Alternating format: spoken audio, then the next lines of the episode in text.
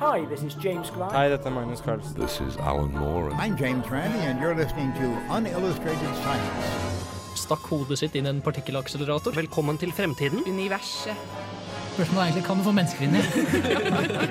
Forskningsnytt. Ta parallellkoble en del med Jo, eneste som er ja, Uansett, vi går videre. Kjekksølv. Uillustrert vitenskap.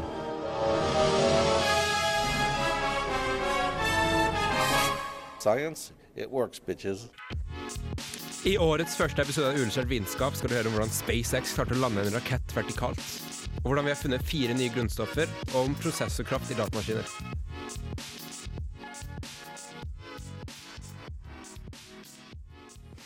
Hallo, og velkommen til årets første sending av Uillustrert vitenskap. Jeg er Andreas Haugland, og med meg i studio i dag har jeg Andreas Sund Hei, hei. og Martin Eilertsen. Hallo, hallo. Ja, og Det er som sagt årets første sending, og vi skal dekke en god del av tingene som har skjedd i jula. Men uh, hva har skjedd hos dere? Hva har dere gjort på? Nei, altså, vi har jo hatt en eksamenstid, Ja. så det ble jo fort en del arbeid. da. Ja, det ble det? Men det, så har vi kost oss i jula med nye vitenskapelige nyheter, sånn som fylt opp periodetabellen og sånt. Det er veldig gøy. Bakt pepperkaker. Bak pepperkaker som ser ut som periodetabellen. Klart det. Men nå må jeg lage fire nye pepperkaker, da, selvfølgelig. Du må det. du må Mm. det. Helt natt til det, rett og slett. Nei, eh, Vi hopper videre til den første låten, som er 'Tryllefløyten' av Fjorden Baby.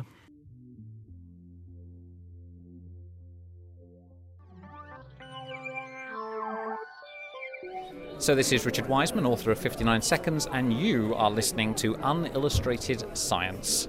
Enjoy. Ja, som Richard Wiseman sa, velkommen tilbake til oss her i studio i Uillustrert vitenskap, Radio Revolt.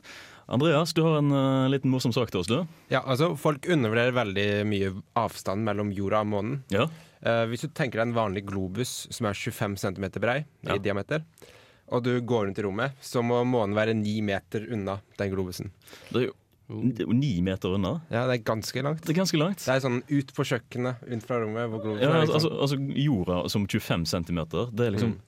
Det er ikke den største planeten i solsystemet Nei. heller. Ja, og så eh, Hovedfunfacten det er at du kan plassere alle planetene i solsystemet mellom jorda og månen. Mellom det, Og de passer liksom fint inni der, da. ja, Da må du tenke deg de hinsides avstanden som er mellom planetene, egentlig. da Hvis du feilkalkulerer månen og jorda på den måten, liksom. Ja, altså Alt i verdensrommet er egentlig teit, hvor lang avstand er. Det er så umulig å forestille seg alt sammen. Ja. Ingenting går. Nei, Du tenker jo alltid at månen er in reach, liksom, siden det er derfor Ja. vi har nådd det. Nei, Man tenker liksom, det er det bare kjapp tur ut av atmosfæren, og så er månen rett borti der. Ja. Men eh, det er egentlig ikke sånn. Det er jo Apollo-programmene bruker jo en del, jo en del dager fram og tilbake. for å si det sånn. Ja. Det er helt sant. Uh, vi skal videre til neste låt, som er 'The Memo' av Father John Misty.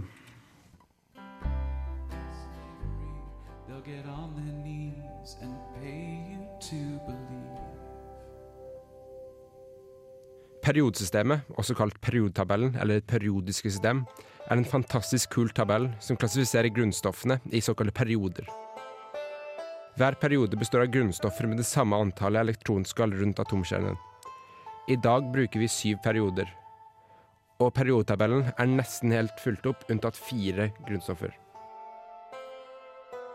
Dagen før nyttårsaften annonserte Den internasjonale kjemiforeningen UPAC at de fire resterende elementene var blitt bekreftet.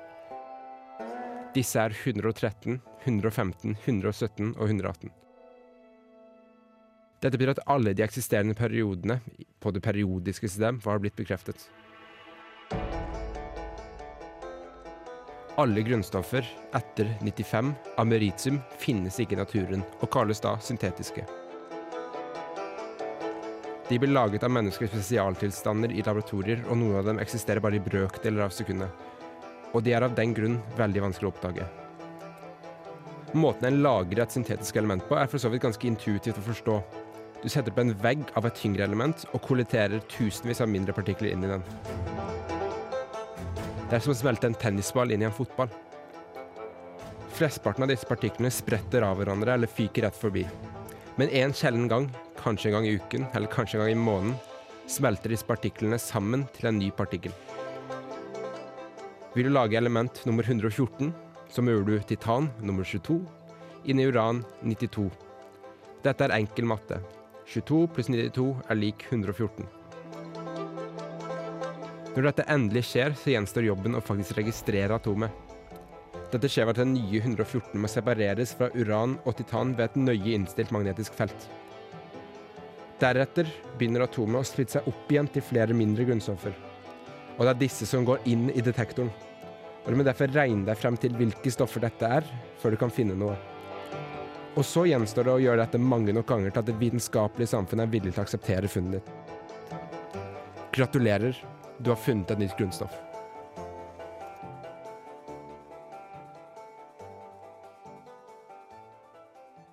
Det blir jo litt sånn eh, byggeprosjekter. Litt sånn Lego, på en måte. Altså, Ja, egentlig. Bare veldig vanskelig, da. ja, selvsagt. Og eh, dyrere enn selv Lego. Og Lego er dyrt. Ja, I hvert fall på lekebutikker. Herregud. Mm. Ja. Eh, nei, ja, hva Altså, alle disse grunnstoffene, det er fire stykker nå som de har funnet. Har de Ja. funnet alle sammen samtidig, eller har de uh, nei, altså Dette er eksperimenter som har blitt gjort i forskjellige labber på forskjellige tider. Ja.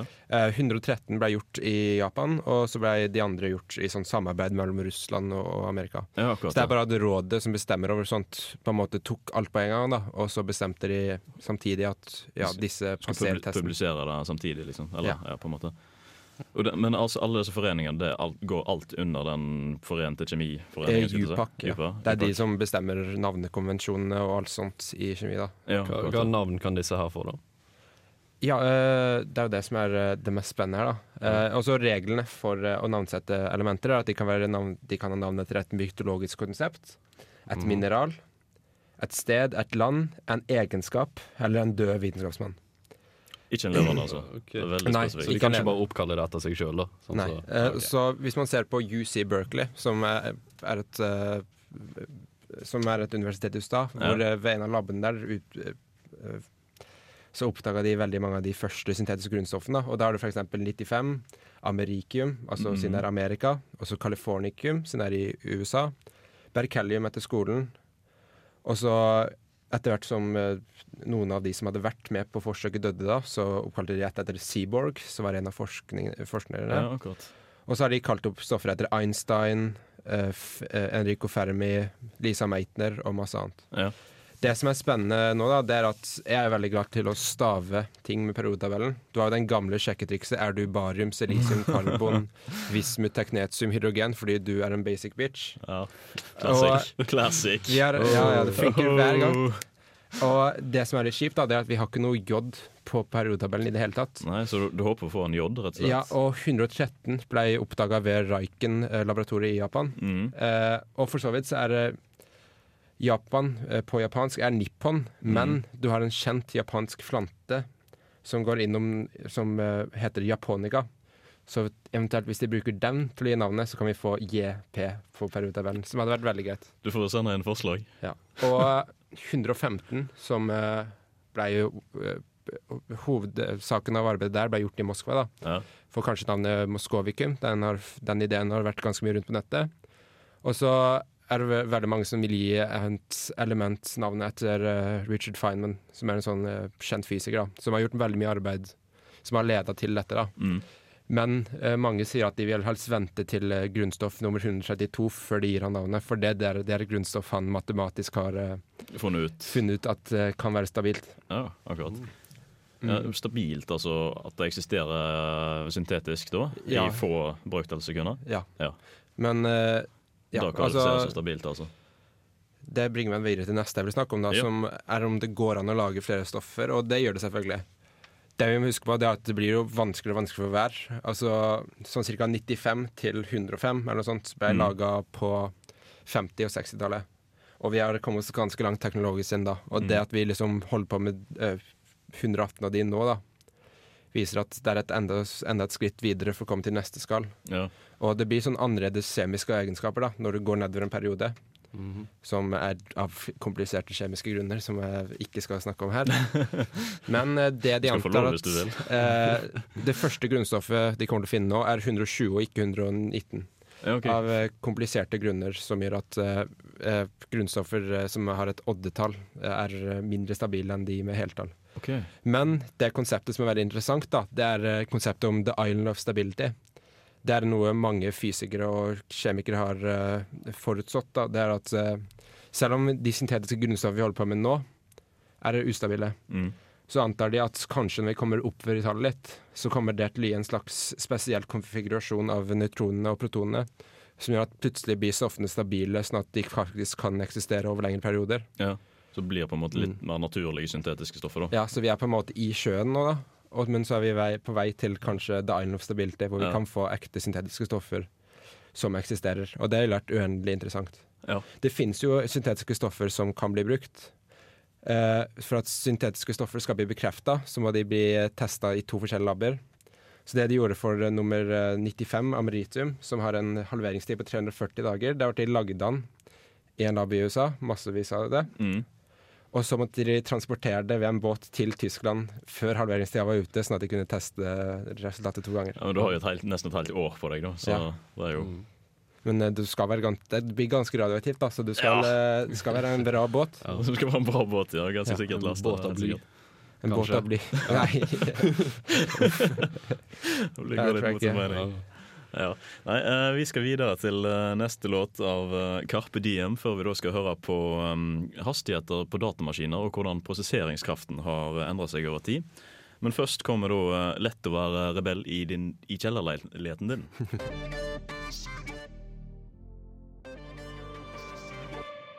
This is Alan Moore, and you're listening to Unillustrated Science. The 5100 can help handle some very complex information. Capacity? About the same as some large computers a few years ago. Få ting er så morsomt som å se gamle reklamer og videoer, hvor de legger ut om hvor overveldende kraftig datamaskinen deres er, og hvordan den akkurat passer i bedriftens Ford Transit.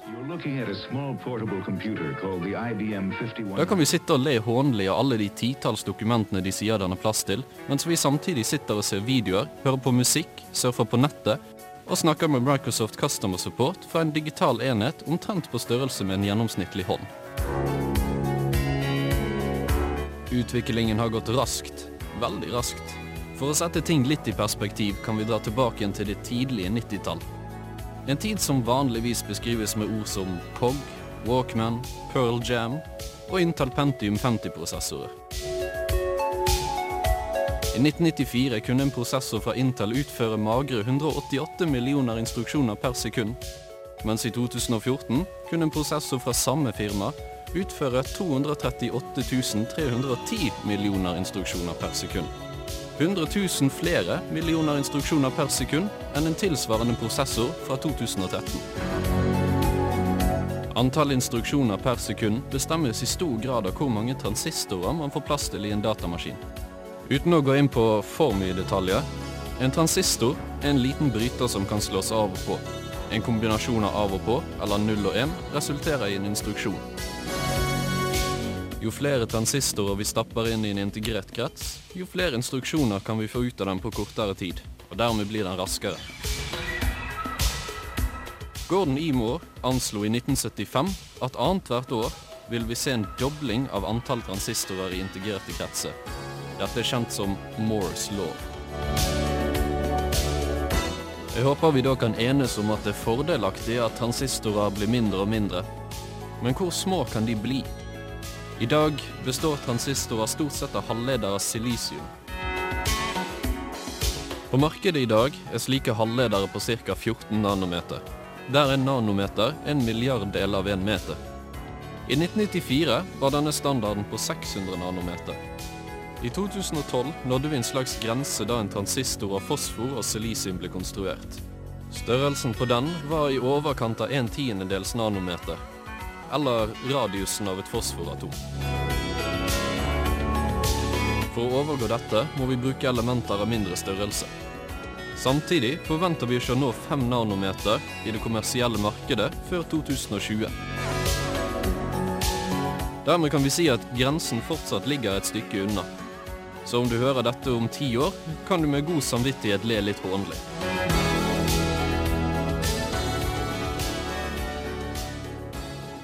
Det tror jeg stemmer helt riktig, at, at vi kan le av dette her om noen år. Det kan vi absolutt. Datamaskiner er jo noe vi har brukt eh, alle sammen siden vi var bitte små. En eller annen form. Enten en Mm. telefon eller eh, En Gameboy. ja, en Gameboy for den saks skyld. Eller Ja. en uh, stasjonær PC-en med modem hjemme i stua.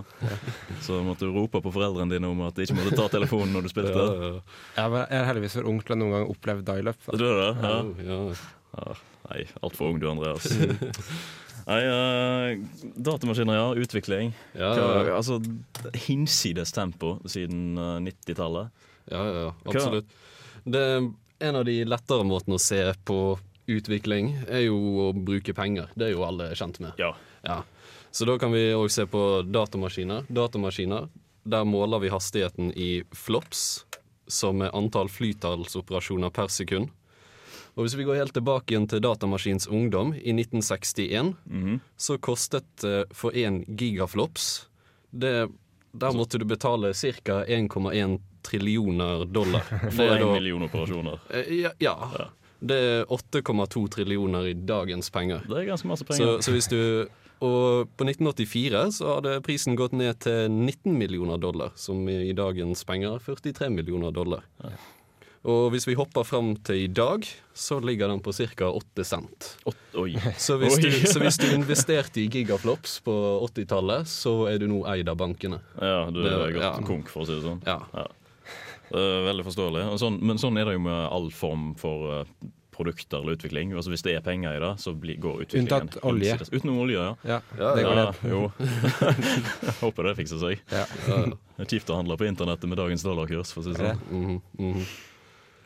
Ja, det Altså, er det bare å stappe masse prosessorer sammen for å få en god maskin? Eller Eh, må du gjøre ja, noe hvis spesielt? man, hvis man ikke har størrelsesbegrensninger, så er jo det mulig. Eh, kan òg bli litt dyrt i lengden, men vi har jo eh, en superdatamaskin i Japan som Ja. heter K-computer. Det er Fujitsu sin. Den ligger på åtte petaflops. Én peta, eh, det er vel Nå må jeg tenke her. Skal vi se. Den ligger på Ti 10 opphøyd i 15, blir det vel? 15, ja. Ja, ja, ja. Stemmer. Så er det én million milliard, det. Stemmer. Seks pluss ni. Ja, En million så milliarder. det er hvor mange uh, Ja, hvor mange flops den ligger på. Eller den har åtte petaflops, så åtte ganger ti opphøyd i 15, da.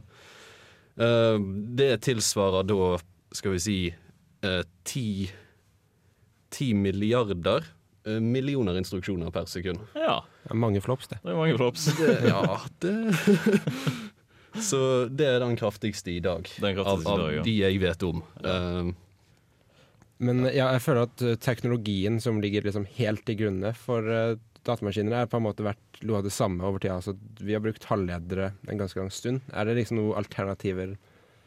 Ja, for en eller annen grunn så må vi nå grensen. Nå begynner vi å komme oss ned på transistorer som er på størrelse Mm. med, med et atom omtrent. Altså, Ja, det kan det kan, kan egentlig ikke Ja. gå mindre. Så da må vi tenke litt alternativt. Eh, da har vi jo kvantedatamaskiner, som har vært litt eh, snakk om i det siste. Nå er jeg ikke veldig stødig på kvantefysikk. Nei, men det, Eh. det går fint, vet du. Men det jeg vet, er at han bruker kvantemekanikk til å utføre beregninger. Den har egne sånn kvantelogiske porter. Ja. Uh, for å fungere så må den kjøles ned til rundt det absolutte nullpunkt. Altså en heimecomputer, med andre ord. Ja, ja Hvis, hvis du har det hjemme. Altså. Det, det, det, det hadde vel gått an på rommet mitt når jeg kom hjem nå etter jul. Ja, det var sånn det kjentes ut når Ja, jeg kom hjem ja. Iskaldt. Oi, oi, oi. Eh, ned til absolutt nullpunkt. Er jo hinsides, egentlig. Ja, så de ligner litt på, skal vi si, hvordan våre datamaskiner så ut på 60-tallet, med at de er omtrent like store som hus. Og, Ja, okay. De er så store som det, ja? ja, de Ja, er ja, på grunn ganske av de må ha så masse kjølingsanlegg Ja. rundt i det, rett og slett. Ja, Ja. avanserte saker. Avanserte Av- saker. Så jeg ikke forstår meg på. Nei. Det, Men det er kult, da. Det er er dritkult. det absolutt. Kvante, Kvante er jo megahype. Støtter Støtter stadig. Så ja, ja, ja. Bare, bare man slipper å regne på det. Ja, bare man slipper å regne på Mm, det. Helt ja. sant. Mm, mm. Apropos uh, andre supermaskiner. Det var jo uh, Vi snakka jo om det der med den uh, Var det Watson-maskinen? Ja. Som hadde sneket seg inn på Urban Dictionary. Og, leit, og leita opp ord og sånt derifra. Det er mange gøye uttrykk for Urban Dictionary Altså. og, og funnet disse ordene, så hadde han begynt å bruke dem når den kommuniserer med folk. Mm. Og så måtte de som var lagd maskinen, de måtte inn og klære minnet for at han ikke skulle snakke så skittent lenger. Internett, altså. Jeg er for så vidt ikke helt sikker på det er Watson, da. Men, Watson. Uh, det, Det var en en det var en. Det var en av Ja. dem. Jeg vet nå i hvert fall Det er at, rom for kildekritikk. jeg vet nå i hvert fall at uh, Google Translate hadde fått en liten sak med at uh, hvis du oversatt fra ukrainsk til russisk, Mm. så ville den oversette Moskva til Mordor. Eh, det kan ha vært brukerne som står bak, men eh, Godt mulig. det Det er veldig, veldig bra. Det noe sier meg at Ukrainerne er ikke så veldig glad i russerne. Uh, Nei, jeg, Kanskje ikke nå. Kanskje ikke for- det. en viss anneksjon som skjedde. Ja. Ja, Men la oss ikke gå inn på politikk. Da blir det trøbbel. Da blir trøbbel. Ups. Vi er ikke politisk program, så vi skal holde oss vekke fra det. Men vi skal videre i sendingen, og eh, om litt så skal vi få høre om et par-tre saker som har skjedd eh, siden sist i Forskningsnytt. Men aller først så skal vi høre Do You Wanna Get High av Weezer.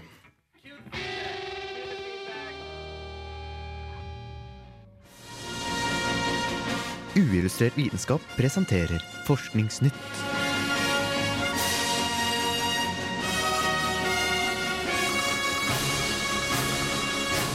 Forskningsnytt. Har du noen gang lurt på om insekter har dybdesyn sånn som vi mennesker har? Nå har forskere funnet ut svaret på det ved å lime på små 3D-filtre på knelerne sine øyne, feste dem på ei stang og vise dem både 2D- og 3D-film. Resultatet viste seg å være at kneleren var uinteressert under visning av 2D-film, men når 3D-effekten slås på, og prikken som beveger seg rundt på skjermen ser ut til å komme nærmere og nærmere, hugger kneleren løs, ut i løse lufta. Dette resulterer jo ikke bare i at kneleren har dybdesyn, men også samsyn. Altså en evne til å sammenligne synsinntrykk en får fra to øyne, og omforme det til ett bilde med informasjon om ting som dybde.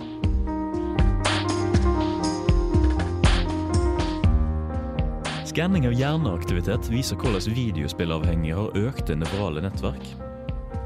Hjerneskanninger fra universitetet i Utah og Chongang-universitetet i Sør-Korea tatt av nesten 200 tenåringsgutter, har vist at hjerneaktiviteten til videospillavhengige personer er annerledes kobla enn hos personer uten spillavhengighet.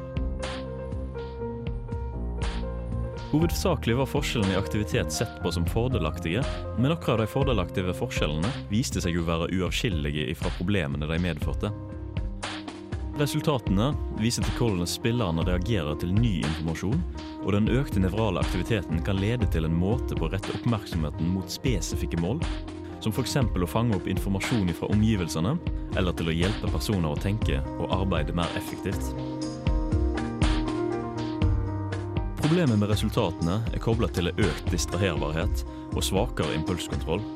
Og er noe annerledes nevrale koblingen var også koblinger som en kunne finne igjen hos personer med schizofreni, downs og autisme.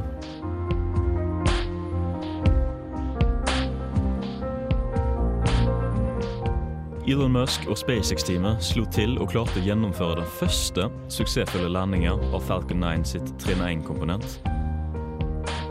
Det unike med denne prestasjonen er at Falcon 9-raketten er den første kommersielle raketten som har nådd orbitalhøyde, for så å separere det første trinnet i tokomponentsraketten, fly lasta videre til destinasjonen, og i mellomtida lander trinn 1-komponentet stående på bakken.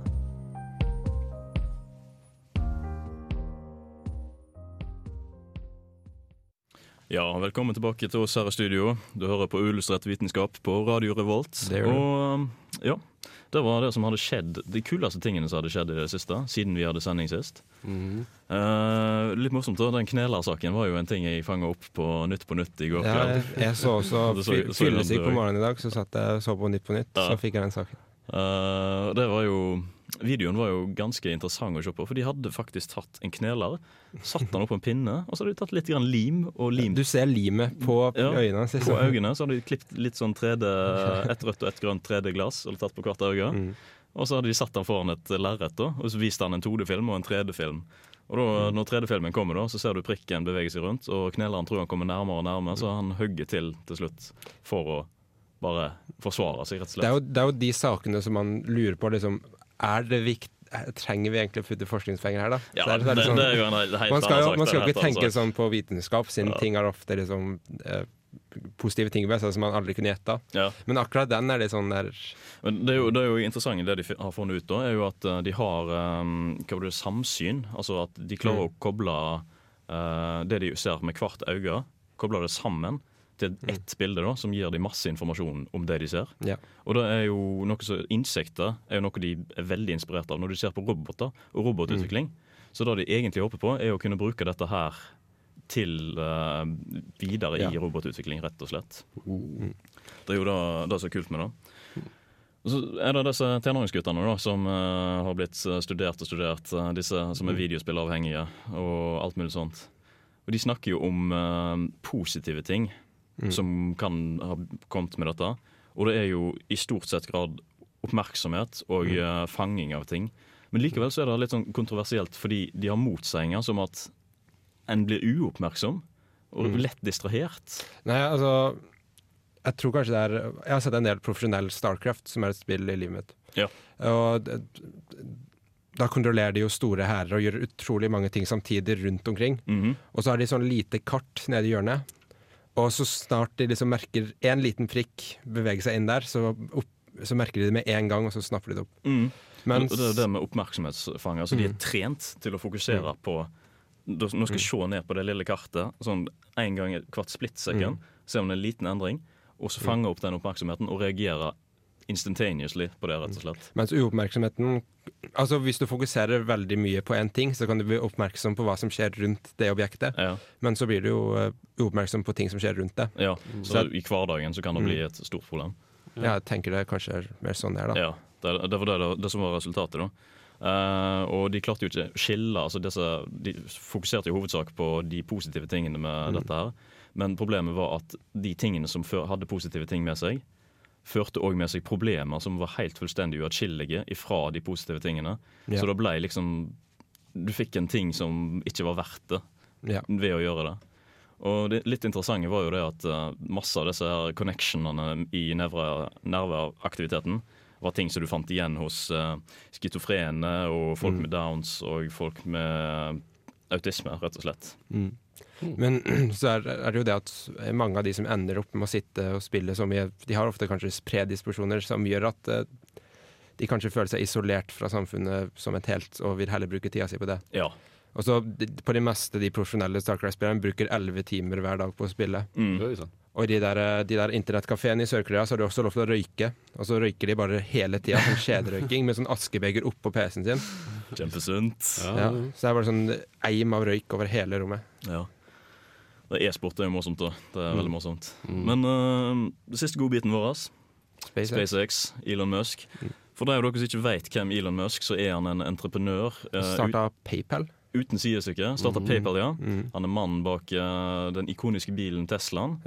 Og ikke minst, uh, når han var lei av dette, her, så starta han SpaceX. Som Mm. Ja, han driver også med lyntog. Ja, Ja. Han er kjenner bare sånn hyggelig milliardær da, som Hyggelig milliardær, som er sånn supergründer. Superentreprenør, rett og slett. Bidrar nå til verden. Ja. Nå er vi politiske igjen da, kanskje. Men Nei, ikke så.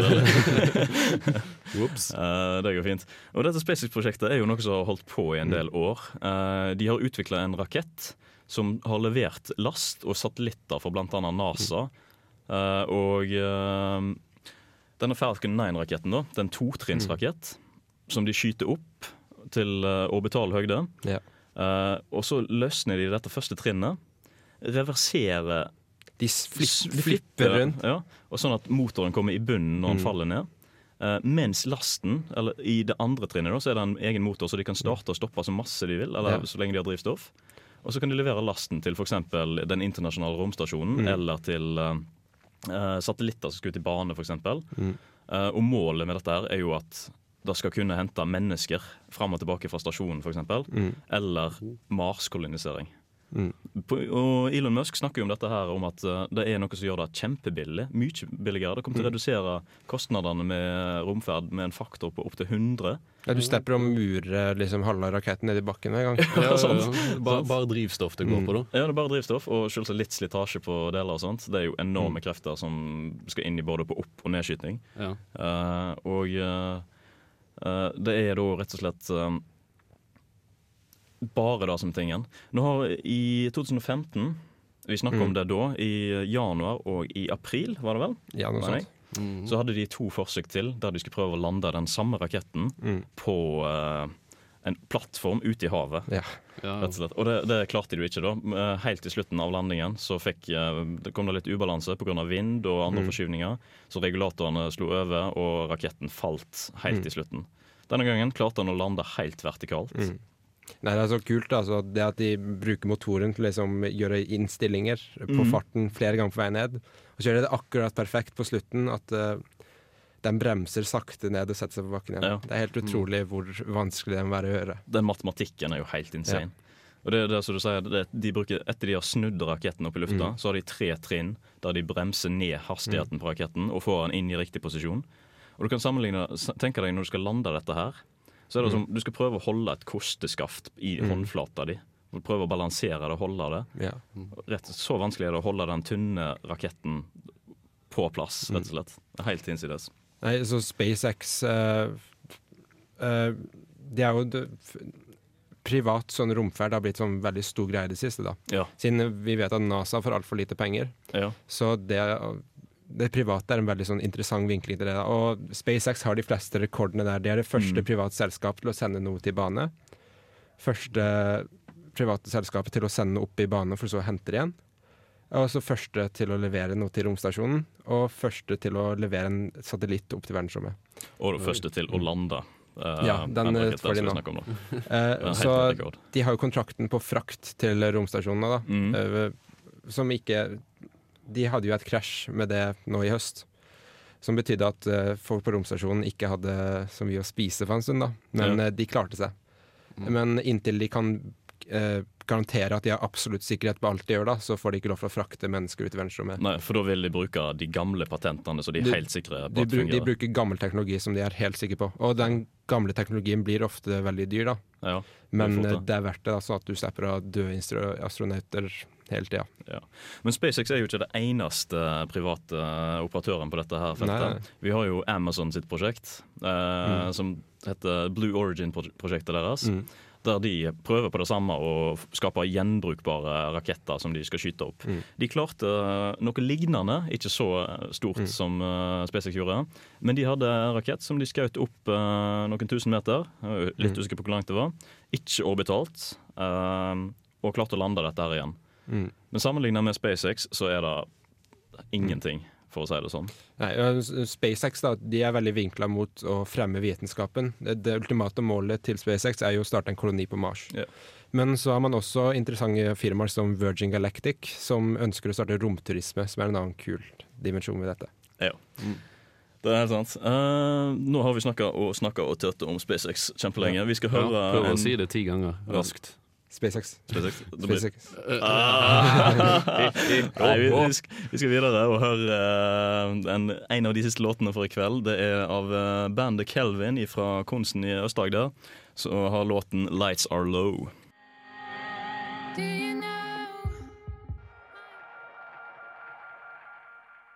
Hi, this is James Grime from Numberphile, and this is Unillustrated Science. Tusen takk, James Grime. Dette har vært eh, årets første sending av Uillustrert vitenskap. Det har vært fantastisk å være her i studio med dere. Ja, det er fantastisk å være her med du også. Ja, ja, ja. Uh, nå er det jo sånn at uh, vi er bare tre framover. Gaute skal være med litt grann til, men vi er veldig veldig, veldig på jakt etter nye personer Mm. som har lyst til å være med oss i Uillustrert og ha det gøy sammen med oss i studio og snakke om populærvitenskapelige ting. Ja. Så det du skal gjøre da, er å sjekke oss opp på Facebook. Der finner du masse ting som vi deler og liker. Eller på Underdusken sine sider på Uillustrert der. Og så ikke minst gå inn på Samfunnet og søke opptak. eh, For å få deg et intervju sammen med oss. Ja. Ta gjerne kontakt med oss på Facebook også, for å spørre om hvordan det er, og sånt, og skal vi gi deg svar så godt som mulig. Mm. Etter sending så vil du eh, finne, som vanlig finne podkast på eh, iTunes og eh, på Underdusken sine sider. Eh, og vi håper så mange som mulig har lyst til å klikke på dette. Og så må også jeg si unnskyld til teknikeren vår Endre, som jeg glemte å takke i forrige episode. Ja. Så takk, Endre. Vi takker han to ganger denne gangen. To ganger. Takk, takk, Tusen takk, takk, Endre. takk.